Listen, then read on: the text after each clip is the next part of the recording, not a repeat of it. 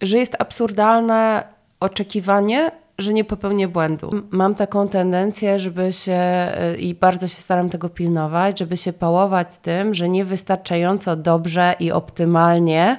Teraz z kolei, wiesz, rozgrywam swoje zdrowie psychiczne, nie? Mhm. Że łatwo jest wpaść w taką pułapkę właśnie myślenia, że jak włożysz dużo pracy i jak się mhm. naprawdę postarasz, to wszystko będzie szło ku lepszemu i będzie coraz lepiej. E, ja bym bardzo chciała, żeby tak było, ale kompletnie w to nie wierzę, bo czasem będzie lepiej, a czasem będzie gorzej i nie wszystko kontrolujemy i to, że włożymy w coś dużo pracy nie znaczy, że wszystko się na pewno dobrze skończy. Mm -hmm. No a czasami żyjemy na piątkę, no a czasami żyjemy na dwa z minusem. No i jak się żyje na to dwa z minusem?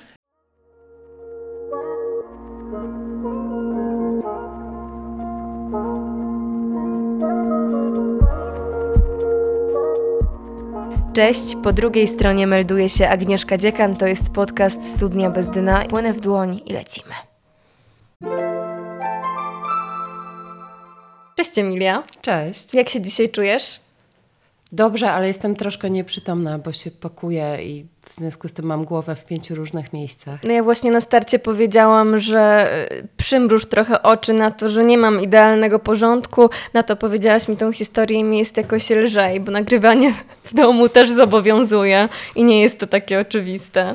No ale też jest tak, że wiesz, jak ktoś, ja mam takie wrażenie, że jeśli komuś dobrze robi idealny porządek, to super, ale też chyba dosyć dużo osób czuje taką presję, mimo że wcale tego tak. samemu nie potrzebuje. Tak, w ogóle nie będzie ten odcinek o sprzątaniu, ale mimo wszystko tak sobie teraz myślę, że zobacz, to było, to było pierwsze zdanie, jakie ci powiedziałam, w ogóle przepraszam, mm. że tu nie jest, użyłam sformułowania perfekcyjnie czysto. Tak. Tak. Jakby to miało w ogóle świadczyć o tym, kim ja jestem, zapraszając cię do tego mieszkania i, i, i wiesz, i nie świecąc I czy zrobisz dobry podcast. Ponieważ tak. jak wiadomo, y, to się sprawdza po tym, czy jest perfekcyjnie czysto w mieszkaniu. Że co? Że dobry podcast. jest w brudnych mieszkaniach. Jest, mamy to. Dziękujemy za odsłuch. Mamy, mamy nadzieję, że się podobało.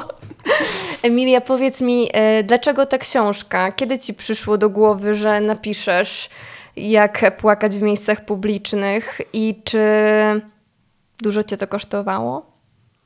Kosztowało mnie to zaskakująco mało i aż się głupio czuję, jak to mówię, bo mhm. E, wczoraj byłam na spotkaniu e, premierowym książki mojej przyjaciółki Natalii Szostak i ona tam z Justyną e, mówiła, z Justyną Słuchacką rozmawiała i mówiły o tym, że pisarze dają różne rady, takie co należy zrobić, żeby tak. pisać I Natalia mówiła, że najlepiej zadziałała jednak Rada Blanki Lipińskiej, czyli siadłam i napisałam. I trochę tak było. I jakoś to wyszło. Książką. Czy nie, no potem nad nią oczywiście pracowałam z redaktorami, ale no faktycznie trzeba zacząć od tego, że człowiek siada i pisze. Um, ja tę książkę wymyśliłam na spółkę z moją redaktorką Milaną Rashid Shahab um, co to było? Pewnie jakiś marzec 2020. To mhm. był taki moment, kiedy ja zaczęłam farmakoterapię, zaczęłam chodzić do psychiatry i, i moje leki zaczęły działać. Okej, okay, i byłaś w stanie. I to jest ważną częścią tej historii też dlatego, że nie tylko nie miałam depresji, ale też e, moje leki tak działają, że przestały mi towarzyszyć lęk, który mi towarzyszył od bardzo dawna stale i który sprawiał, że z tego typu propozycji zawsze się wymigiwałam. Na ogół zasłaniając się tym, że mam bardzo dużo pracy. Mhm. E, I to jest też gdzieś tam niesamowite, że właśnie ja mam wrażenie, że tak z rozpędu w ogłupieniu, nie zastanawiając się, powiedziałam dobra. I potem oczywiście sobie mówiłam, że to jakby zawsze się mogę wycofać, oddać zaliczkę, nie napisać tej książki. No i tak się bujałam z tym, aż w końcu właśnie no, siadłam i napisałam. A powiedz mi, a propos tego lęku, mm, czy, czy pamiętasz w swoim życiu taki moment, w którym zauważyłaś, że ten lęk jest? Bo ja ze swojej perspektywy mm, też mówiłam o tym, że ja już jako mała dziewczynka powtarzałam, że moim marzeniem i to jest bardzo ciekawe, jest mm, odetchnąć pełną piersią. Ja mm. miałam, wiesz, 6-7 lat i, i, I dla mnie to było jakby, że ja wtedy będę szczęśliwa i jak będę mogła odetchnąć pełną piersią. Tak jakbym już wtedy Mhm. nie mogła. I to jest dla mnie fascynujące, dlaczego tak wcześnie, Mhm. ale faktycznie ten lęk towarzyszył mi praktycznie przez całe życie z jakimiś, wiesz, małymi przerwami, kiedy wydawało mi się, że wszystko przerobiłam. Ja miałam chyba inaczej. Ja nad tym się zaczęłam zastanawiać e, teraz, dopiero tak naprawdę, e, bo w ramach promocji książki e, właśnie też rozmawiam Dużo. o tej całej historii mojej, nie? nad którą się trochę zastanawiałam już przy książce, ale, ale takie konkretne pytania to właśnie dostaję teraz. I na początku tego nie potrafiłam powiedzieć i miałam takie poczucie, że ja zawsze miałam y, taką tendencję, żeby się stresować. Na przykład jak, nie wiem, nadchodziło coś stresującego, to ja mam y, taki zwyczaj, że się wtedy budzę o trzeciej albo o czwartej. E, być może to znasz y, i to jest takie właśnie przedziwne przebudzenie, no bo to nie jest tak, że normalnie jak się budzę, to jeszcze jestem troszkę nieprzytomna, troszkę gdzieś, a to tu jest wstajesz- takie lękowe przebudzenie, właśnie jest takie i od razu w głowie jest kołowrotek, Tak. więc to miałam na pewno długo, ale nie miałam na pewno tego lęku, potem zaczęłam się zastanawiać i w liceum wydaje mi się, że jeszcze tego nie miałam i myślę, że tak naprawdę to się jakoś wiąże z moimi depresyjnymi stanami, których jeszcze zupełnie wtedy nie nazywałam i nie rozpoznawałam. Na pewno ten lęk już we mnie był bardzo mocny, jak przyjechałam do Warszawy. To było też po tym, jak wróciłam do Polski po takim dłuższym wyjeździe i dłuższym niebyciu w Polsce i właśnie skończyłam też e, już przeciągane i tak dosyć studiowanie i właśnie musiałam jakoś, e, jakoś się odnaleźć. I wtedy pamiętam, to też taka rzecz, o której e, dopiero w którymś momencie to wyłapałam, bo ja mam jednak tak, że różne moje stany tam depresyjne i lękowe bardzo długo mi się wydawały normalne. Że to jest po prostu no, taka rzecz, ja się teraz tak czuję, to wszystko jest jakby no, adekwatne powiedzmy. No bo właśnie trochę jest, Mm. tylko kiedy jest ta granica pomiędzy tym, że no masz smuteczek, a pomiędzy tym, że coś się dzieje. No. Ona nie jest na pewno łatwa, tak. Myślę, że eksperci i lekarze potrafią to rozróżnić. E, Wydaje mi się, że ja to potrafię już rozróżnić u siebie, no bo to jest e, po pierwsze pytanie, czy mi to dezorganizuje życie, czy nie. E, Albo bardzo je utrudnia, bo z lękiem było na przykład tak, że no ja byłam w stanie działać, pracować, robić jakieś rzeczy, które były i fajne, i trudne, natomiast mnie to strasznie dużo kosztowało za każdym razem. I no z tym smutkiem było, no ze smutkiem było tak, że faktycznie już miałam momenty, które mnie rozkładały, chociaż i tak w tym czasie na ogół pracowałam i na ogół funkcjonowałam. E, I częścią u mnie tego rozumienia w ogóle, może trochę lepiej moich kryzysów psychicznych, było właśnie to, żeby odsunąć od siebie to kryterium, że już zupełnie nie jestem w stanie funkcjonować. Bo ja sobie ustawiałam taką poprzeczkę właśnie typu póki wstaję z łóżka, to nie potrzebuję pomocy. Mimo tego, że to było właśnie, wiesz, wstawanie z łóżka, po którym płakałam pół godziny i w tym czasie jadłam śniadanie, ubierałam się, robiłam sobie kawę, jak kończyłam płakać, to malowałam rzęsy i jechałam do pracy. A próbowałaś to sobie jakoś tłumaczyć? Tak, bo to był. Yy, to był w ogóle też zewnętrznie dosyć trudny moment dla mnie, bo mój partner był wtedy za granicą przez jakieś pięć miesięcy, a my się w ogóle bardzo rzadko rozstajemy na dłużej. E, no i też akurat, no nie u mnie w pracy były zwolnienia grupowe, było, plus była zima, było generalnie dosyć dużo takich rzeczy, które były trudne i to się na pewno przyczyniło. Powiem Ci coś, bo to też jest właśnie ciekawe, że bardzo często mm, mając cały czas kogoś z boku, nie jesteś w stanie zatrzymać się, a jeżeli nie jesteś w stanie zatrzymać się, to ten moment depresji czy, czy jakiś cięższy moment jest taki w poczekalni. I u mnie było bardzo podobnie. E, Miałam wtedy 19 lat, byłam w związku na odległość. Na początku byliśmy razem, a później jak wyjechał i zostałam sama, to był moment otwierania szuflad. Mhm. Właśnie tego, ten, ten czas, kiedy no po prostu miałam czas się zastanawiać i to było przerażające. I czas, i może też jakiś taki. No, słowo pretekst nie jest tu najlepsze, ale jakąś taką rzecz, która cię. Jakiś haczyk. tak, która ci powiedzmy otwiera to, że możesz się posmucić. No bo właśnie. E, no, jak dajesz sobie sama taką presję, e, żeby być e, przebojową i gotową i sobie radzić, no to powiedzmy właśnie takie coś jak związek na odległość ci daje taki tu sznureczek, że tu wolno się posmucić. Tak, tak, I to nie jest rację. twoja słabość. I to potem jak pociągniesz za ten sznureczek, to się tak pruje jak sweter. Wow, dokładnie tak. Słuchaj, jak, jak, jak długo z Twojej perspektywy można udawać, że wszystko jest ok? Myślę, że niektórzy ludzie są w stanie udawać całe życie. Mm. Przy czym, przepraszam za ten ponury akcent, być może to życie się skończy wtedy wcześniej niż mogłoby trwać. E, no ja przestałam udawać, że wszystko jest ok, dopiero w momencie, kiedy zaczęłam mieć symptomy cielesne.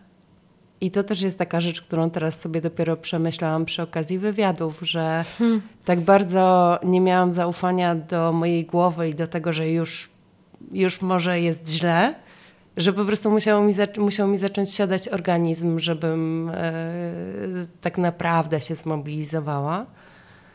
I połączyłaś jedno z drugim? Tak, bo ja miałam kompletny brak siły. Okej. że nie, nie, nie miałam tylko, znaczy miałam taką somatyzację, że mnie bolała głowa i plecy, ale miałam też po prostu absolutny brak energii. I to tam się akurat łączyło z y, całościowym moim stanem, chociaż też oczywiście znajdowałam mnóstwo powodów, dla których się tak źle czuję i to i, i, i dla których, no bo to jest tak, że to nie jest bez sensu, no są powody, dla których się źle czujemy one wpływają Jasne. na nasz ogólny dobrostan psychiczny, tylko że łatwo ich też używać jako wymówek, czyli właśnie nie potrzebuję pomocy, tylko muszę skończyć remont. Tak, tak, tak. I po prostu no, jestem zmęczona i minie jakiś czas i będzie mi lepiej. No to w ogóle jestem zmęczona, to jest taki klasyk. Tak. Ja na przykład mam e, bardzo ciekawy taki mechanizm wyparcia w momencie, kiedy temat jest ciężki i rozmowa w tym temacie zaczyna być za długa, to naprawdę jestem zmęczona, ale to tak, że przestaję myśleć, chce mi się spać i może ci się wydawać, że no, nie słucham cię już, a ja po prostu naprawdę mój organizm śpi. Jakby, wiesz, cała masa strażników mówi, dobra, ratujemy Agę i wyłączamy kurki. Ja mam spanie stresowe. Znaczy mam to, że się właśnie budzę nad ranem, ale poza tym, no to w ogóle drzemeczki w środku dnia, jak akurat się dzieje coś bardzo stresującego, absolutnie. Tak, prześpię i będzie lepiej. Tak, chociaż tu 10 minut, nie, z kocem na głowie po prostu i też y, niekoniecznie to źle, no bo tam akurat jak znów, no jeśli pomaga mi, ja się przynajmniej tak nauczyłam, że jeśli mi pomaga i to nie jest przesypianie całych dni, tylko właśnie taki moment oddechu, to okej. Mhm, No pewnie, że tak. Słuchaj, twoja książka mm, jest napisana... Jakby ten nawet temat jest poważny, ale jest napisana z przymrużeniem oka. Czy to znaczy, że ty miałaś zawsze ten dystans? Czy dystans przyszedł wraz z leczeniem? Czy dystans i śmiech to była właśnie jakaś, jakaś, jakaś forma ucieczki? Bo wiem, że kiedyś e, w którymś z wywiadów powiedziałaś, że mm, śmiech jest też jakąś przykrywką. I ja mam dokładnie to samo. ja też się śmieję. Ja mam tak, że na pewno śmiech i humor są moim mechanizmem obronnym. E, przy czym, no właśnie, jakoś e, mam wrażenie, że w pewnym natężeniu to jest przykrywka i to jest faktycznie coś, co cię izoluje od twoich emocji, ale w mniejszym natężeniu to jest sposób przepracowywania tych emocji czy jakichś trudnych doświadczeń i radzenia sobie z nimi. I taką tendencję na pewno miałam też wcześniej, zanim zaczęłam się leczyć.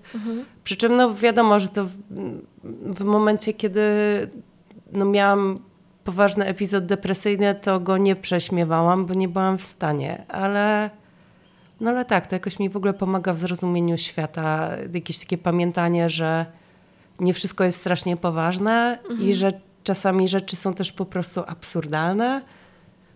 I nie wszystko trzeba racjonalizować i rozumieć. Mhm. Chociaż no, tego jeszcze nie mam e, przepracowane. W sensie wiem, że tak jest, ale ja jednak bardzo racjonalizuję i L- próbuję lub- zrozumieć. Czyli no. lubi, lubisz grzebać. Ciężkie jest chyba to odpuszczenie najbardziej. Mhm. Mnie w ogóle uspokaja. y, Jezu, ale jak dzień, w dzień dobry, ekspresie. Ale to jest, to jest klasyk każdego mojego podcastu z racji tego, że robię kawę i klasykiem jest też e, kurier dzwoniący. Praktycznie no. co drugi odcinek jest kurier, więc zobaczymy. Chociaż 5 minut przed twoim przyjściem był Aha, kurier, był. także pomyślałam sobie, kurde, mógł się wstrzymać chwilę, to byłaby taka stała Ale to programu. dlatego, że się spóźniłam. Jakbym przyszła o czasie, to wpadłby też kurier. Tak. I na czym stanęłyśmy? O rozbieraniu i rozkminianiu Tak, i intelektu- intelektualizowaniu. Pozdrawiam. E, mnie to bardzo uspokaja i też wiem, że to jest e, podchwytliwe i też wiem, że muszę na to uważać. E, ale no kurczę, mnie rozumienie rzeczy, nazywanie rzeczy, em, umieszczanie ich w kontekście bardzo uspokaja.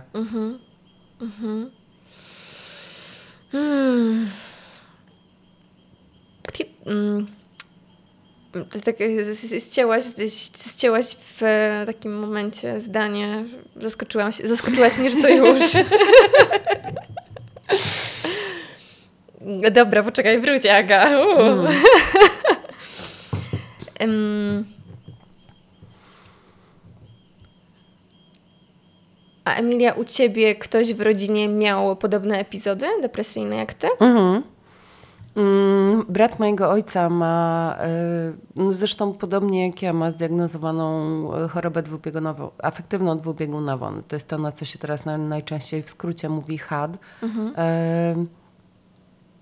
przez którą dużo ciężej przechodził na pewno, też dlatego, że no jest dużo, dużo ode mnie starszy, więc też jakby i farmakologia i w ogóle jakiś taki sposób traktowania kryzysów psychicznych był na pewno zupełnie inny. E, No i tak, tak, bo poza tym e, też. Jezu, przepraszam, bo ja mam z kolei tak, że nie bardzo chcę autować inne osoby, jeśli chodzi o ich zdrowie psychiczne. Em, mm, o wujku piszę też w książce, bo to jest jakoś e, właśnie częścią tej historii też dlatego, że jest dla mnie ciekawe to, na ile, y, na ile choroby psychiczne są czymś dziedzicznym i w ogóle czymś zakorzenionym biologicznie. E, Co jest o tyle skomplikowane, że w ogóle człowiek jest bardzo skomplikowaną maszyną i rozróżnienie tak naprawdę tego, co jest biologiczne, co wynika z wychowania, co wynika z kondycji świata, w której się żyje, e, co wynika, teraz się trochę też mówi o tym epigenetyce traumy, czyli Tak. o tym, jak przeżyta trauma y, przez poprzednie pokolenia może się odbijać na kolejnych Tak, i pokoleniach. że ty możesz mieć traumę y, twojego, nie wiem, pra, pra, pra dziadka. Mhm. To jest taka rzecz, która jest nie też. em, ja się jej przyglądałam, bo. No bo właśnie jakoś traktowałam to z pewną nieufnością, to całe dziedziczenie traumy, chyba dlatego, że no właśnie, że bardzo jest trudno to y, przebadać y, w oderwaniu od kontekstu. To prawda. Ale no, takie badania są robione. No, na ogół jak są te takie, z tego co pamiętam, te biologiczne aspekty są badane na przykład na bliźniakach rozdzielonych w momencie urodzenia. Przy czym no, to jest dosyć trudna do zbadania grupa, bo nie ma aż tak wielu bliźniaków rozdzielonych w momencie urodzenia. E, No ale tak, to z tego co czytałam teraz o, o badaniach, no to to tak, to ta trauma poprzednich pokoleń może się odciskać z tym, że niekoniecznie jakby zapisywać w DNA, tylko trochę zmieniać ekspresję genową. Natomiast no tu dużo więcej mądrych rzeczy nie powiem, odsyłam do literatury, bo Nie jestem genetyczką, niestety. Ale ja jestem bardzo ciekawa tego właśnie, że skoro mm, trauma może przechodzić z pokolenia na pokolenie, czy jest taki moment, czy może pojawić się taki moment, w którym któreś pokolenie przerwie jakby ten, mm. wiesz, ten cały przyczynowo-skutkowy mm. łańcuch i, i zapisze troszeczkę nowe, mm. nowe rzeczy w, w genach. No to, to jest bardzo ciekawe, na ile jakby twoja praca może zaowocować mm. dla przyszłych pokoleń. Myślę, że może. Wydaje mi się bardzo... Yy... Tak, no nawet jestem przekonana, że może. Też dlatego, że to, co dostajemy w genach, yy, i tak jest zawsze potem modyfikowane i przez nasze tak. środowisko, i przez nasze wychowanie, i przez naszą pracę, o której ty mówisz, czyli przez to, w jaki sposób my w ogóle się jakby zastanawiamy nad naszymi kryzysami, na ile jakby potrafimy je lokalizować, nazywać i potem na ile jesteśmy w stanie z nimi coś robić. Więc ja tak naprawdę, jak zaczęłam się nad tym zastanawiać, to byłam pod wrażeniem tego, jak dobrze nam to idzie. Bo jednak ze wszystkimi e, trudnościami, jakimi się mamy i kryzysami, no to jakby no, pokolenie naszych dziadków, bo my jesteśmy chyba mniej więcej w tym samym wieku, tak.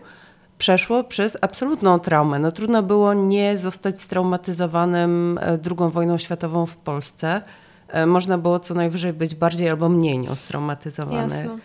I oni wychowali pokolenie naszych rodziców, w którym no w ogóle na przykład nie rozmawiało się o emocjach, w którym e, no jakieś takie kwestie zdrowia psychicznego były dużo mocniej stabilizowane niż są teraz. w ogóle się o tym nie mówiło. Czy nie wiem, u Ciebie w domu kiedykolwiek usiadło się i, i rozkminiało na temat emocji, rozmawiało o tym, jak ja się czuję względem jakiejś sytuacji? No, u mnie w ogóle u mnie nie było się mówiło akurat, no ale tak, no ja mam, mi się, mi się bardzo dobrze trafiło, jeśli chodzi o rodziców. Moja mama miała w ogóle taką książkę i ja pamiętam, że ją znalazłam jakoś jak już byłam na studiach. I ona, ona się nazywa jak mówić, żeby dzieci nas słuchały, jak Aha. słuchać, żeby dzieci do nas mówiły. O, jak to, fajnie, że jest taki dopisek, cudowne. I to były takie ćwiczenia, które autentycznie to można było wypełniać. Moja mama je wypełniała ołówkiem, można było ćwiczyć i to było na przykład techniki aktywnego słuchania, których ja się wtedy uczyłam na studiach. Mhm. E, I z jednej strony właśnie to jest takie... Można się wzdrygnąć na to, że się uczysz rozmawiać ze swoim dzieckiem z podręcznika, a z drugiej strony to jest coś takiego, że Skąd moja mama jest poza tym osobą, która nas bardzo kocha i która jest empatyczna, mhm. ale jakby miał, to jest takie narzędzie, którego się uczysz, jak nie wiesz, jak coś nazwać albo jak się do kogoś zwrócić. Tak. Co w ogóle mi się wydaje, że polskie społeczeństwo tego nie ma jakoś super e, ogarnięte, nie? W jaki mhm. sposób rozmawiać Absolutnie. o emocjach, Moim w jaki zdaniem... sposób o trudnych rzeczach rozmawiać. Tak, wiesz, czyta, czytanie tego typu treści z książek jest totalnie normalne, bo to tak jak z oddychaniem. Czytałam ostatnio książkę na temat mm, zapomnianej sztuki oddychania. Mm. Wiesz, można oddychać i oddychać, można rozmawiać i rozmawiać. Mm. Y, ile, ile razy słyszysz, że nie wiem, no, rozmawiamy, ale my się nie dogadujemy, mhm. bo może źle rozmawiacie, bo to jest naprawdę wielka sztuka. No tak, ale też są, i to jest dla mnie strasznie ciekawe, takie właśnie dosyć, yy, dosyć proste techniki. Yy, I pamiętam, że jak się tego uczyłam na studiach, bo miałam, yy, nie wiem, no mieliśmy chyba nawet nie oddzielne zajęcia, tylko jakiś taki rodzaj warsztatów, mhm. to to się wydaje turbo głupie. Jak za pierwszym razem to robisz, techniki aktywnego słuchania, to się czujesz bardzo głupio, bo to jest czy, właśnie czy to robienie... powtarzasz mm -hmm. cały czas, co słyszysz? Albo odzwierz... dajesz sygnały, że słuchasz, E, w wywiadzie to jest najgorsze. Ja właśnie teraz uczę się nie robić mhm, bo to jest dla mnie naturalne, że ja słucham Cię, więc przytakuję ale dźwiękowo podobno tutaj są jakieś zgłoszenia, że za często mhm, więc, ale bez kitu, siedzę tutaj i czasami się łapię na tym, mm, mm, nic nie nie wiem, mi się wydaje to akurat okej. Okay. Ja na przykład słucham dużo podcasteksu i tam chłopacy ze sobą gadają tak o no, popkulturze z lat 90. i zerowych i Fajne. jest często tak, że tam Mateusz coś mówi, a Bartek robi mhm. Czyli próbuje to... tego nie robić, a jednak nie wychodzi. E, ale też przez to to brzmi jak właśnie no, jakaś taka normalna rozmowa może bardziej. Tak, no masz rację. No dobra, czyli wracając, twoja mama uczyła się jak z tobą rozmawiać i jak e, ciebie słuchać i dać ci pole do tego, żebyś mówiła i to jest moim zdaniem e, absolutnie niesamowicie ważne, bo bardzo często nawet w dorosłym życiu chcemy o czymś porozmawiać, ale z jakiegoś powodu nie rozmawiamy, bo na przykład nie czujemy przestrzeni na to, żeby wypowiedzieć te słowa, bo na przykład nie chce nam się bronić tych słów, tylko chcemy je móc powiedzieć i wiedzieć, że nie jesteśmy oceniani. A mamy niesamowicie y, wpojone to, żeby służyć dobrą radą, żeby automatycznie filtrować to, co ktoś do nas mówi, bo to, to jest to, o czym rozmawiamy. Jakby sztuka słuchania nie polega na tym, że ty teraz do mnie mówisz i w tak zwanym międzyczasie zastanawiasz się już, co, odpowie, co Mhm. odpowiesz, co masz na to, jaką masz na przykład, nie wiem, kontrę, tylko słuchasz do ostatniej kropki. I, i, i to, jest, to jest niesamowite, bo nasza głowa od razu podpowiada, co ona chce tam wnieść. Mhm. Ale też wiesz, no, y, wydaje mi się, że na przykład też dosyć y, źle mamy opanowane y, pozostawanie przy swoich opiniach, jak się nie zgadzamy. Że to jest też jakaś taka rzecz, no to zresztą nie jest dziwne, jest to dosyć naturalne, zwłaszcza jeśli mówimy o jakichś rzeczach ważnych, nie? Tak. Ale ja na przykład mam taką tendencję i to zauważyłam, tak jakoś nazwałam sobie dopiero na terapii, że ja wchodzę totalnie w wygranko, przegranko. Mhm. I, Czyli? No, czyli jeśli czuję, jeśli rozmawiam na jakiś takich, e, w jakiś taki sposób, który ja odbieram jako nie będący rywalizacyjnym, to super. Ale w momencie, kiedy ja mam wrażenie, że ktoś mnie właśnie próbuje tam zahaczyć czy wziąć pod włos, to ja od razu wchodzę, wiesz, zapraszam. Wiem. Pojedynek, wygranko, przegranko. E, I trudno jest mi, jak już o tym wiem, no to się staram filtrować te emocje i też właśnie myśleć o tym, że po prostu ktoś może mieć inne zdanie. Nawet jeśli ja uważam, że to zdanie jest absurdalne i, i niesłuszne i na przykład krzywdzące dla mnie, bo to jest najtrudniejsze. Bo w ogóle to, że ktoś ma inne zdanie, okej. Tak. Ale jak mam wrażenie, że ktoś mi po prostu tutaj niesprawiedliwie ocenia, no to miałam taką tendencję, żeby się od razu jeżyć i rzucać do kontrataku, który był tak naprawdę czasami też po prostu atakiem. E, No i to jest taka rzecz, której się dopiero uczę, ale bardzo mi ona uprzyjemnia życie. Ale zobacz, bo to, to jest strasznie trudne mm, zostawić taką przestrzeń pomiędzy, bo zawsze jest tak, czy często jest tak, nie szufladkując, że na przykład ja mówię ci, jakie mam, mam zdanie, ty mówisz mi, jakie masz zdanie i któraś z tych stron, albo ty, albo ja musi to domknąć.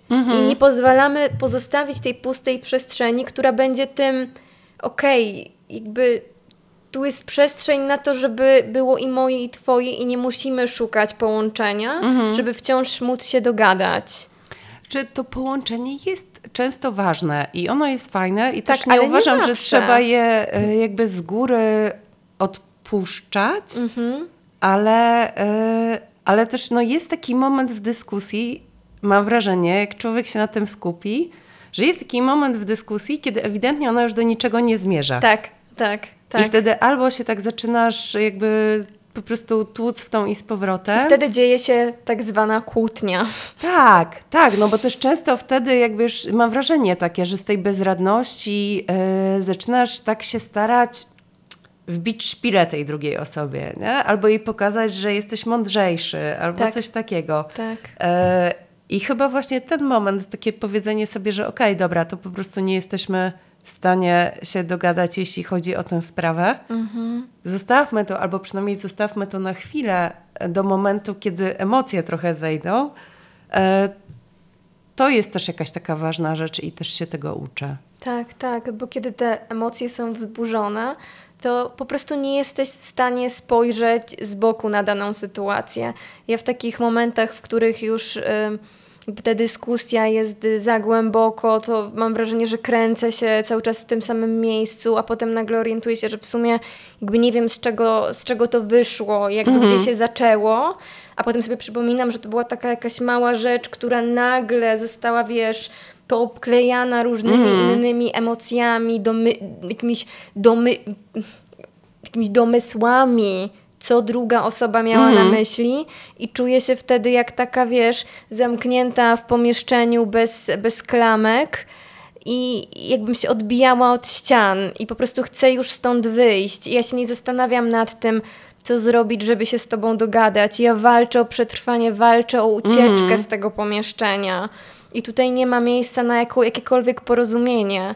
Więc to, to jest to, co mówisz. Czasami trzeba powiedzieć, jakby na ten moment to jest dla mnie za dużo i musimy to odłożyć, bo po prostu nie jestem w stanie. Mhm.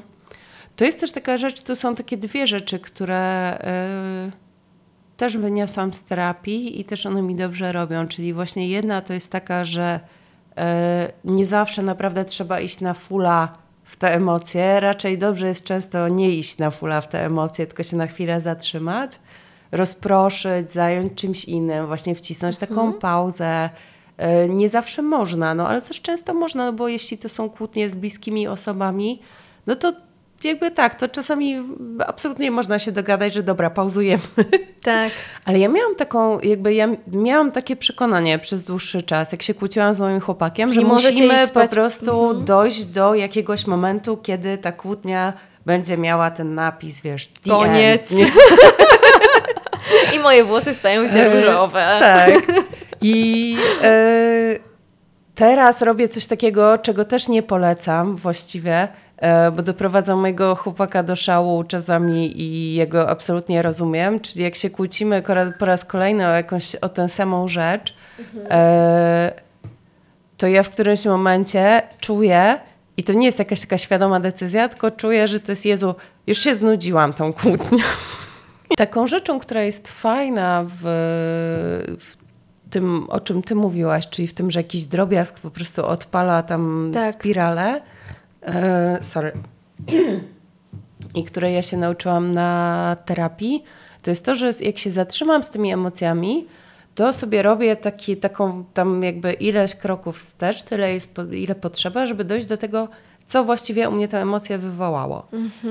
I to jest super, zwłaszcza w takich momentach, kiedy kompletnie nie wiem, co ją wywołało, nie? Czyli masz tak, że wstajesz, na przykład masz dobry nastrój i ogólnie jest spoko i potem, wiesz, po, nie wiem, trzech godzinach czujesz jakąś taką złość albo niepokój, albo frustrację. Tak. I jak się nauczyłam wracać do tego punktu i szukać pod kątem wartości, bo jednak to jest często po prostu coś, co mi uderza e, w moje myślenie o sobie jako dobrej osobie, albo w moje wartości, albo właśnie w jakieś takie poczucie, że zostałam potraktowana niesprawiedliwie, Tak. e, to to mi mega pomaga, bo jestem w stanie sobie rozmontować to, co mam w głowie. Albo nawet przyczepić to do tej jednej rzeczy, ale wiedzieć, że chodzi o tę jedną rzecz, a nie o cały świat. Powiedz mi, jak ty się teraz masz z depresją? Czy uważasz, że to jest coś, co jest już za tobą? Czy to jest coś, co zawsze z tobą będzie? Kiedy jest ten moment, w którym można powiedzieć, że wyszło się na prostą? Wiesz co, ja y, wiem, że to zawsze ze mną będzie jako możliwość. To znaczy, że mm, ja mam po prostu chorobę, która, w której może mi nawracać depresja. E, I w związku z tym muszę być ostrożna z tym, w sensie też jakoś tam zwracać uwagę po prostu na to, jak się czuję, bardziej niż jestem do tego przyzwyczajona. E, Na pewno nie mam teraz depresji, w sensie nie ma. Nie jest ze mną teraz jako jakaś taka. Jak to nazwać dobrze? Próbuj. Zrobię trzy kroki wstecz. E, jak przechodziłam ciężki epizod depresyjny, czyli miałam taki, mm, bardzo już byłam w złej formie, ale nie poszłam do psychiatry ani na terapię, to potem jak się poczułam lepiej, to cały czas to nade mną wisiało. I było tak, że nawet pomimo tego, że e, no nie miałam takich jakby właśnie, no nie miałam objawów jakiegoś poważnego epizodu depresyjnego, czułam się lepiej, to i było we mnie bardzo dużo niepokoju takiego, że to wróci. E, I miałam takie kryzysy, nie wiem, kilkudniowe na przykład, czy jednodniowe, kiedy po prostu ten nastrój mi tak mega mocno spadał. W tym momencie takich e, rzeczy nie mam. Ja też jestem cały czas na lekach. Zresztą jedne leki, e, nie antydepresanty, tylko stabilizatory, będę brała prawdopodobnie jak powiedziała moja psychiatra, przewlekle. Okej, okay, ciekawe. Ja ostatnio w ogóle z, z kimś rozmawiałam o tym, że jakoś chyba lekarze, nie tylko psychiatrzy, unikają tego, tej frazy do końca życia. I że ona też jest, wiem, że dla wielu osób to jest trudne. Dla mnie akurat jakoś, jakoś mało. To, że w sensie to jakaś a ja mam świadomość. a ja mam takie myśli. Dużo wiesz? osób tak ma. Mhm. Że z jednej strony akceptuję tą formę, no jesteśmy raz jeden na tej mm. ziemi i, i prze, przeżyjemy te swoje lata tylko raz, ale z drugiej strony no boję, ja, ja się tego boję, bardzo tego nie chcę. Zastanawiam się, jak to będzie pomyśleć, że, że to już jest końcowa i, i wiesz, i że to się nie powtórzy. I z mm. drugiej strony mam też taką znaczy, nie chcę powiedzieć, bo to jest takie przyklejone do mnie, że mam frustrę na, tylko miałam frustrę na, a teraz czasami to do mnie wraca, że rodzimy się i mamy dane piękne życie. Po prostu jakby dostajesz życie. Mhm. I przez całe to życie praktycznie próbujesz żyć, zmagając się z tym wszystkim, co cię spotkało.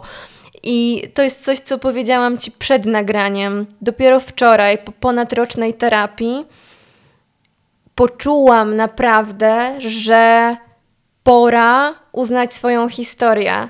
A ja cały czas zastanawiałam się, Boże, dlaczego tak jest? Dlaczego ja muszę przez całe życie zmagać się z tym, z tym i z tym? Przecież ja mogę to wszystko, co sobie, co sobie wymarzyłam, robić, a nie robię, bo blokuje mnie mm. to, że ma 10 lat temu ojciec mi powiedział, czy ciotka to, to i to, nie? Mm. I że z tym się zmagam. Ale cholera, no to było, jakby przeszłości nie zmienisz, a usilnie czasami próbujemy mm. zmienić siebie, zmienić, zmienić swoją przeszłość, zmienić to, co przeżyliśmy i, i mamy taką niezgodę na to, zamiast po prostu uznać siebie, uznać swoją historię i mimo wszystko próbować budować. Wiesz, mi się wydaje, że to jest e, dość złożone, bo Mm. Bo też nie wiem, czy ty to masz. Ja to mam. Mam taką tendencję, żeby się y, i bardzo się staram tego pilnować, żeby się pałować tym, że niewystarczająco dobrze i optymalnie. Teraz z kolei, wiesz, rozgrywam swoje zdrowie psychiczne, nie? Uh -huh. I E, wiesz, też nie ma się co pałować tym, że e, Twoja przeszłość jest dla Ciebie ważna i że cały czas tam w Tobie tkwi i że nie potrafisz pewnych rzeczy zostawić, no bo to jest jednak totalnie ludzkie i, i spoko, no jakieś jakby znalezienie proporcji, zrobienie jakoś ustawienie tej przeszłości tak, żeby ona Ci jak najmniej zawadzała w przyszłości, super, nie? Tak. Ale też no... Y, to nie jest proste, no bo to też jesteś ty, nie? Twoja cała przeszłość to też jesteś no ty. tak, no bo przecież do czego, do czego byś dążyła? Do tego, żeby być pustką i, i która nagle zaczyna się zapisywać historiami, które, wiesz, na które będziesz gotowa mm. i które mhm. sobie stworzysz? No, no nie. I które właśnie będą takie zdrowe, optymalne, wiesz. Yy... Tak takie, takie, że można potem właśnie pokazać ludziom, że tak, tutaj żyjesz na piątkę. Mm -hmm. No a czasami żyjemy na piątkę, no a czasami żyjemy na dwa z minusem. No i jak się żyje na to dwa z minusem? Eee... Znaczy generalnie nie, nie, nie, dobra, nie będę ci przeklinać w podcaście, bo ci Ale algorytm... nie, a, wiesz co, słyszałam, że w pierwszych kilku minutach, to już jest czterdziesta, także dawaj. Tak, no generalnie chujowo, ale... Yy, ale widzisz, dla mnie kryzys psychiczny i to też... Jezu, przepraszam, miałam 15 tysięcy dygresji zawsze do tego, co sama chcę powiedzieć. Dawaj. E, to już mówiłam o tym tam rozkładaniu intelektualizacji tak. i tak dalej. To tak. właśnie teraz to się dzieje u mnie w głowie. Ale taką rzeczą, która mi teraz sprawia też dużo satysfakcji i której nauczyłam się, wiesz, the hard way, bo właśnie przez taką kompletnie mnie rozwalającą depresję, jest to, że po prostu okej, okay, czasami jest gorzej. Mhm. Ja czasami robię gorzej rzeczy. Czasami się troszkę do niczego nie nadaje, tylko do leżenia. Um, I czasami nie robię super mojej pracy i czasami mogę nawet nie oddać tekstu w terminie, nie? Mm -hmm. I mhm. że um, nie, to nie jest coś, do czego dążę albo tęsknię, albo czym się cieszę, ale jakaś akceptacja tego mi daje też bardzo dużo spokoju. Tak mam, taka jestem. By, no. Bywa i tak. Tak, ale też to, że po prostu, wiesz, no ja y, pamiętam, że moja terapeutka powiedziała w którymś momencie nazwała mnie perfekcjonistką i ja jej powiedziałam, nie jestem perfekcjonistką, tylko uważam, że nie powinnam popełniać błędów. I, to jest też jakby jednak ale, fajna... ale powiedziałaś to tak poważnie. Dokładnie, tak i dokładnie powiedziałam to zdanie i to jest fajna część terapii, że ona ci czasami zmusza do powiedzenia takiego zdania, że je słyszysz, co myślisz, mhm. Tak. Brawo. Tak, tak, ale mam to samo. Czasami powiem coś głośno i nagle orientuję się, jak bardzo absurdalne jest to, co myślę. Mm. Ale to też jest okej, okay, że, że tak myślę. Tak, no bo to jest coś takiego, że sobie wtedy myślisz, aha, okej, okay, dobra, to jakby e, ja sobie zostawię to zdanie, pochodzę sobie z tym zdaniem w głowie i tak. zobaczę, co z tego wyniknie. No i u mnie jednak wynikło to, że, yy, że jest absurdalne oczekiwanie, że nie popełnię błędu. Mhm. I nawet jeśli ono jest um, taką niby teorią, że w praktyce to wiem, ale, ale nie chcę się na to zgodzić, to jakby wydaje mi się, że to nie wpływa na to, że ja popełniam mniej błędów, tylko po prostu się gorzej czuję. Tak, tak, tak, tak. Hmm. Jakie ty masz do siebie podejście z perspektywy, z perspektywy czasu? Jak podchodzisz do życia? Ja w sumie nie wiem. Mm. Wiesz, wydaje mi się, że to wszystko się jakoś jeszcze we mnie kotłuje i układa i że to może trochę trwać, bo dużo znów łatwiej jest e, teoretyzować na temat tego, co jest, e, co pomaga, co nie pomaga, tak. co ci utrudnia życie, co ułatwia. E, I wydaje mi się, że zdarza mi się, zwłaszcza teraz jakby właśnie przy okazji jakichś wywiadów e, i tego typu rozmów, wpadać w taki, no w taką jakąś właśnie autoprezentację jako takiej osoby, co ma wszystko porozkminiane i mhm. wiesz, może czasem popełni błąd, ale to też dobrze. No pewnie. E, więc e, może też... Czyli taka e, full kontrola i, i tak. przyzwolenie, akceptacja. Tak, mhm. więc e, może to właśnie fajnie jest powiedzieć też do mikrofonu. E, nie wiem. Nie wiem, jakie mam podejście do siebie cały czas je testuję mhm. i, i czasami po prostu wychodzi dobrze, a czasami wychodzi zupełnie niedobrze. E, I wypracowuję sobie jakieś takie rzeczy, jak właśnie na przykład odpuszczanie sobie mhm. albo, albo zastanawianie się nad tym, co mnie odpala, i to jest super. E, ale to nie znaczy, że się nie odpalę bez sensu jakąś głupotą, albo że zawsze potrafię sobie odpuszczać. I to też nie znaczy, że każdy potrzebuje tego samego, bo to jest moje również ulubione zdanie, które powtarzam w wywiadach. Mhm. Ludzie mają różnie. I przygotowanie dla nich jakiejś konkretnej listy zadań uzdrawiającej, albo wiesz, zaklęcia na to, co zrobić. Może takie billboardy było... powinny być przy ulicy. Ludzie mają różnie. A, a... Potrzebujemy różnych rzeczy. Tak, tak. Jezus, tak. Ale to, to miałoby sens wtedy. Tylko musisz mieć taką rozanieloną twarz. Nie, no tam jakby tam można wkleić, wiesz, po prostu e, z kogoś instagramowego bardziej. Tak. wiesz co, ja tak sobie myślę o tym wszystkim i dlatego też e, od początku powstał ten podcast, bo mm, ja w temacie psychologii, jakiegoś takiego drążenia w sobie. Poruszam się już od, nie wiem, myślę, że z 9 lat, ale dopiero niedawno mm, wydaje mi się, że złapałam za odpowiednie lejce. Wcześniej to nie były moje lejce. Mhm. Mm. I wiem, że to, że to jest zajebiście długa droga, która prawdopodobnie będzie naprawdę trwała całe życie, że to wszystko jest po to, żeby za jakiś czas, okay, znosić pewne sytuacje lepiej, lżej, inaczej, inaczej do nich podchodzić, ale nie będzie tego momentu prawdopodobnie, mm, kiedy będę total uzdrowiona i zawsze będzie coś. Ja miałam takie myślenie, że.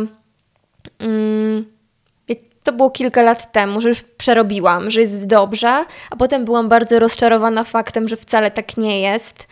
Mm, I gdzieś jakaś jeszcze sfera w mojej głowie mówi mi, żeby nie ucieszyć się za bardzo z tego, że jest ci dobrze, bo prawdopodobnie za chwilkę nie będzie, więc po co się rozczarowywać? Mhm. I to jest takie strasznie, strasznie trudne, taka akceptacja, jakby dąży do tego, że akceptacja człowieczeństwa i tego, jak jesteśmy stworzeni i złożeni, jest, jest zajebiście trudna, dlatego że mm, masa przekazów chce nam wpoić i chce nas przekonać do tego, że może być taki moment i że my możemy być oświeceni, ozdrowieni, że to będzie szybkie, jeżeli w to uwierzysz. No, ja po prostu w to nie wierzę. Ja po prostu w to nie wierzę, bo jeżeli żyłaś z czymś 20, 30, 40 lat, to nie da się tego tak po prostu zmienić z abstryknięciem palca. Jakby wiesz, no, to, to Ja nie da wrażenie, się. że to, bo to dotyczy chyba i takich przekazów dotyczących tam terapii, czy właśnie y, pracy nad sobą, co w ogóle nie jest jakimś takim najprzyjemniejszym określeniem. Nie? Tak, bo zobacz, masz, tak. masz dbanie o siebie, a masz pracę nad sobą. Mhm. I poszukiwanie najlepszej wersji siebie. Tak, o Jezu, to jest w ogóle... Ale to jest, wiesz, to jest Mhm. cały czas e, slogan, który, który po prostu dudni. No Dudni to jest takiego właśnie, wiesz, i to wtedy łatwo jest przekształcić w taki obowiązek, żeby być szczęśliwą. Masz obowiązek być szczęśliwą, masz Tak. obowiązek właśnie teraz y, jakby, no znów zdrowo i racjonalnie sobie ze wszystkim radzić. Ale to jest też takie coś, co wydaje mi się, że jest y, tendencją w ogóle, która jest w kulturze, y, tak szeroko pojętej kulturze, żeby, że my opowiadamy opowieści i lubimy, jak one się dobrze kończą. E, I opowiadamy sobie tak historię, i opowiadamy sobie tak, nie wiem, politykę, i opowiadamy tak y, biografię różnych osób. E, I łatwo jest wpaść, tak mi się wydaje, że łatwo jest wpaść taką pułapkę właśnie myślenia, że jak włożysz dużo pracy i jak się naprawdę postarasz, to wszystko będzie szło ku lepszemu. I będzie coraz lepiej. E, i Ja bym bardzo chciała, żeby tak było, ale kompletnie w to nie wierzę, bo czasem będzie lepiej, a czasem będzie gorzej i nie wszystko kontrolujemy i to, że włożymy w coś dużo pracy nie znaczy, że wszystko się na pewno dobrze skończy. Em, No i, no i wiesz, i też jest tak po prostu z psychiką, nie? No, że czasem się będziesz czuć lepiej, a czasem się będziesz czuć gorzej, nie? Ja myślę sobie, że w tej całej drodze najbardziej mogą nas e, dobijać e, oczekiwania. Oczekiwania tego, że. Oczekiwania i wyobrażenia, że ja jestem teraz na jakiejś drodze i ja wyobrażam sobie tego, jak ma się to skończyć. A co jeżeli się skończy inaczej? Co jeżeli jednak tego nie będę miała? Czy to znaczy, że ja nie mogę być szczęśliwa? Czy to, co sobie wyznaczyłam, to jest ten moment, który mnie wypełni i on o mnie świadczy. Co, co jeżeli mi to nie wyjdzie? Wiesz, bo chyba samo wyznaczanie sobie rzeczy nie jest złe i to, że jakoś tam opowiadasz, w sensie myślisz o sobie czy o swoim życiu jako drodze, to też jest w ogóle taka bardzo naturalna ludzka potrzeba, że my sobie układamy zdarzenia w narrację i że właśnie one są w historii. Tylko e, pytanie, jak bardzo, jak bardzo jesteś przywiązana do tej jednej narracji i do tej jednej wersji i jak bardzo ona jest sztywna, nie? Tak, tak. I takie to jest też e, dla mnie było bardzo otwierające, kiedy zadałam sobie pytanie, dlaczego ja właśnie chcę to? Dlaczego ja sobie siebie taką wymyśliłam? Jaki jest powód, że ja właśnie tam chcę iść? I bardzo ciekawe jest to, że żyłam przez lata z tą myślą, że to, to będę ja. Tak, tak, chcę taka. I nagle odpowiadając na te pytania, zorientowałam się, że no, no nie, no ja nie chcę taka być. że wiesz, że. No tak, no bo wiesz, ja teraz jestem zupełnie inną osobą niż ja 10 lat temu. Tak. I, e, no i mam różne potrzeby i w ogóle też, no jakby bardzo, bardzo wiele rzeczy mnie różni od tamtej mnie. I gdybyś E, 10 lat temu wymyśliła tak. sobie, jaka chcesz być za 10 lat i do tego dążyła, mogłabyś przeoczyć. Za 10 to jeszcze pół biedy, nie? Ale jakbym sobie wymyśliła za 20 i teraz cały czas miała w głowie y, taki plan, jak miałam wtedy, nie mając świadomości tego, nie? Tylko Mhm. Co się wydarzy. to za jakąś taką, no właśnie, obiektywny punkt dojścia, nie? Tak, tak. A em, 10 lat temu, jaka chciałaś być za 10 lat? 10 lat temu to ja akurat kompletnie nie miałam pojęcia, czego chcę i co ze sobą będę robić. I byłam bardzo jakby. Ojej, bardzo byłam zagubiona, ale tak nawet nie jakoś. Jeszcze byłam na końcu takiego okresu podróżowania i trochę studiowania i Mhm. takiego łapania po prostu tego, co przyjdzie. E, I nie żałuję tego zupełnie, bo to było bardzo fajne. Natomiast e, trudno mi było w ogóle sobie wyobrazić jakąś taką konkretną przyszłość, w której ja coś robię, bo, bo wszystko mi się wydawało bardzo niepewne. Znaczy dalej jest niepewne, ale, ale fajne jest dla mnie to, że ja przez to 10 lat znalazłam coś, co bardzo lubię robić i co mi sprawia dużo satysfakcji. I też pogodziłam się z tym, że no, że jakby idąc w jedną ścieżkę, trochę nie możesz jednocześnie iść we wszystkie inne. Nie? Nie no, jakby to nie znaczy, że już musisz zawsze, nie? Ale na przykład wiesz, jeśli... No ja mam z tym problem. Trochę bym chciała kilka różnych. Nie no, w ogóle każdy by chciał, nie? Znaczy dobra, no może nie każdy, ja zawsze mam też, e, staram się pilnować dużych kwantyfikatorów. E, Być może nie każdy, e, ale wiesz, ja na przykład wykonuję pracę, e, jestem dziennikarką, piszę w języku polskim i uwielbiam to robić, a jednocześnie wiem, że e, nie mogę tej mojej pracy przenieść do innego kraju. E, No tak. I wiesz, no i to też jest takie cały czas balansowanie. No coś zyskujesz, coś tracisz.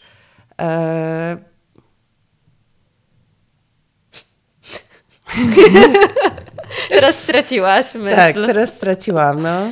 A, i taka uważność jest, y, jest chyba jedną z takich mm, topek, jeżeli chodzi o nasze skille, które powinniśmy, które fajnie by było zdobyć.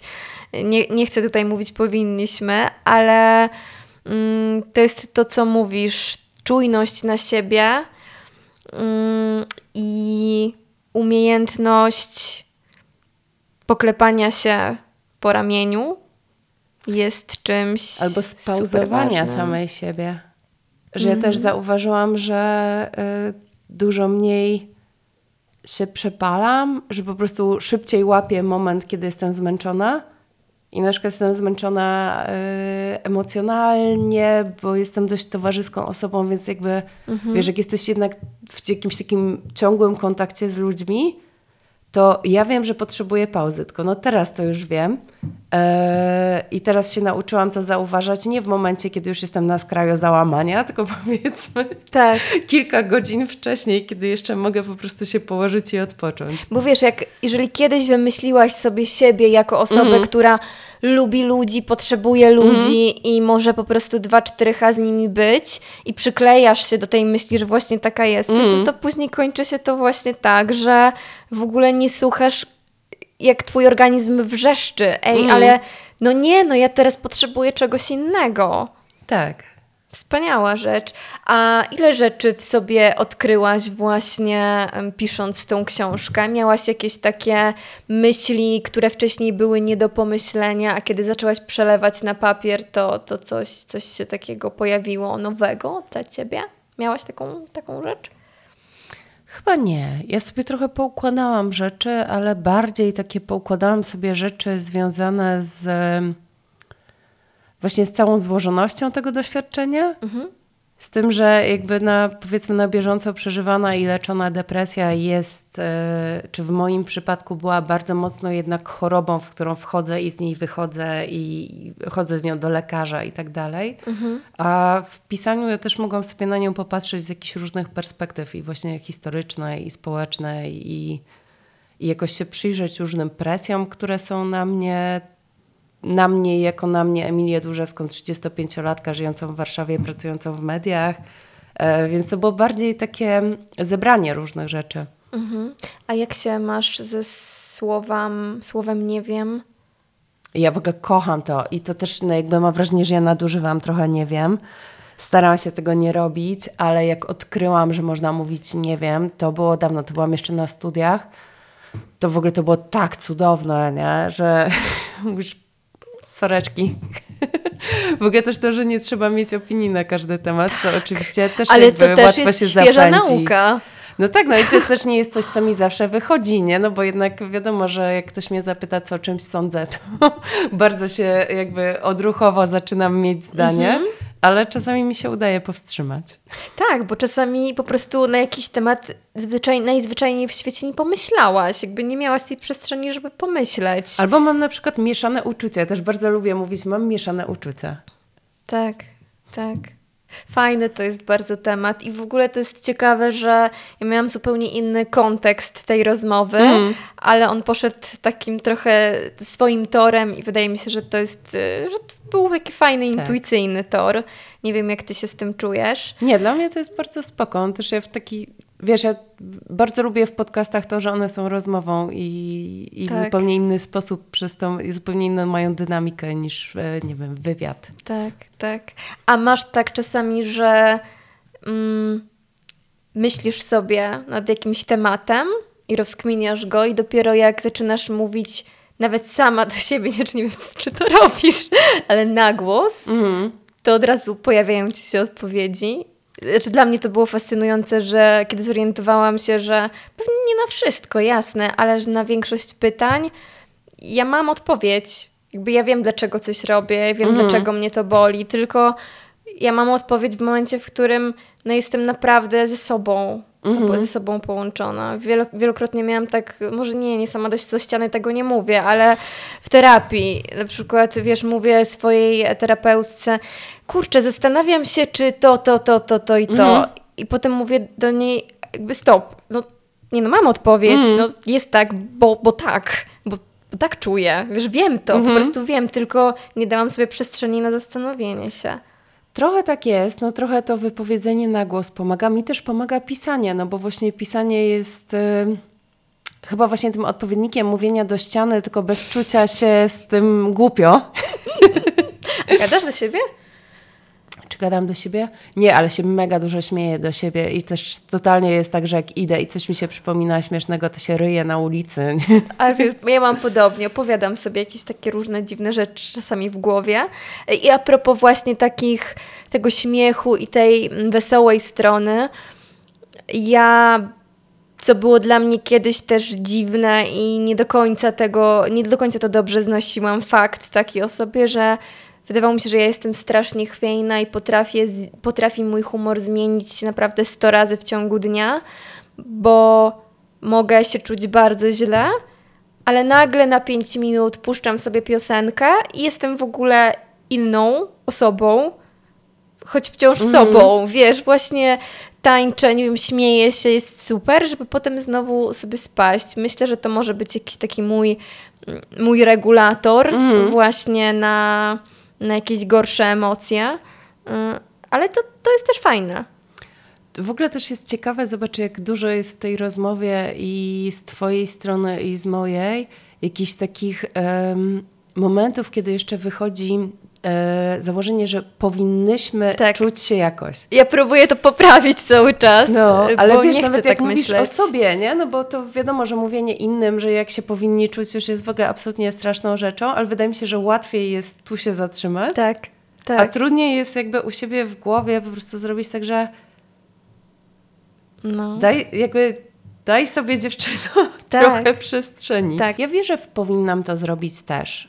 Natomiast bardzo się staram unikać, powinnam się jakoś czuć. Mhm. Mhm. No, no mnie powinnam jednak, jednak Nie no, bo to nie jest, jakby ono nie jest y, zawsze potrzebne i nie jest zawsze dobre, ale y, no ale też jakby są takie rzeczy, no, jakby jest, są takie rzeczy, które uważam, że powinnam zrobić, nie? Ale mhm. staram się odpuszczać, właśnie powinnam się jakoś czuć, powinnam coś myśleć i tak dalej, bo to już jest taka przestrzeń, której to nie pomaga zupełnie. Tak, tak, bo to jest znowu jakieś wymyślonej sobie, e, tak, wymyśliłaś sobie, że, że będziesz taka, a jednak, a jednak życie weryfikuje i pokazuje ci, że Emilia ma zupełnie inne, inne barwy i czasami to jest zupełnie inna paleta barw i odkrycie tego jest, jest fascynujące. Mm, bardzo się cieszę na tą rozmowę. Dziękuję Ci, że przyszłaś. Ja dziękuję za zaproszenie. Czy Ty masz jakąś taką myśl, z którą chciałabyś zostawić słuchaczy? Chyba nie, bo mi teraz w głowie brzmi, e, No. po prostu upuścił mi się Andrzej Zaucha, dzisiaj nagle wymyśliłem ciebie i już nie mogę się tego pozbyć. No dobrze, w takim razie na sam koniec e, właśnie ten utwór zamieszczę. Miłego odsłuchu i dzięki bardzo. Dzięki. Dzisiaj nagle wymyśliłem ciebie, twoje imię zadźwięczało we mnie,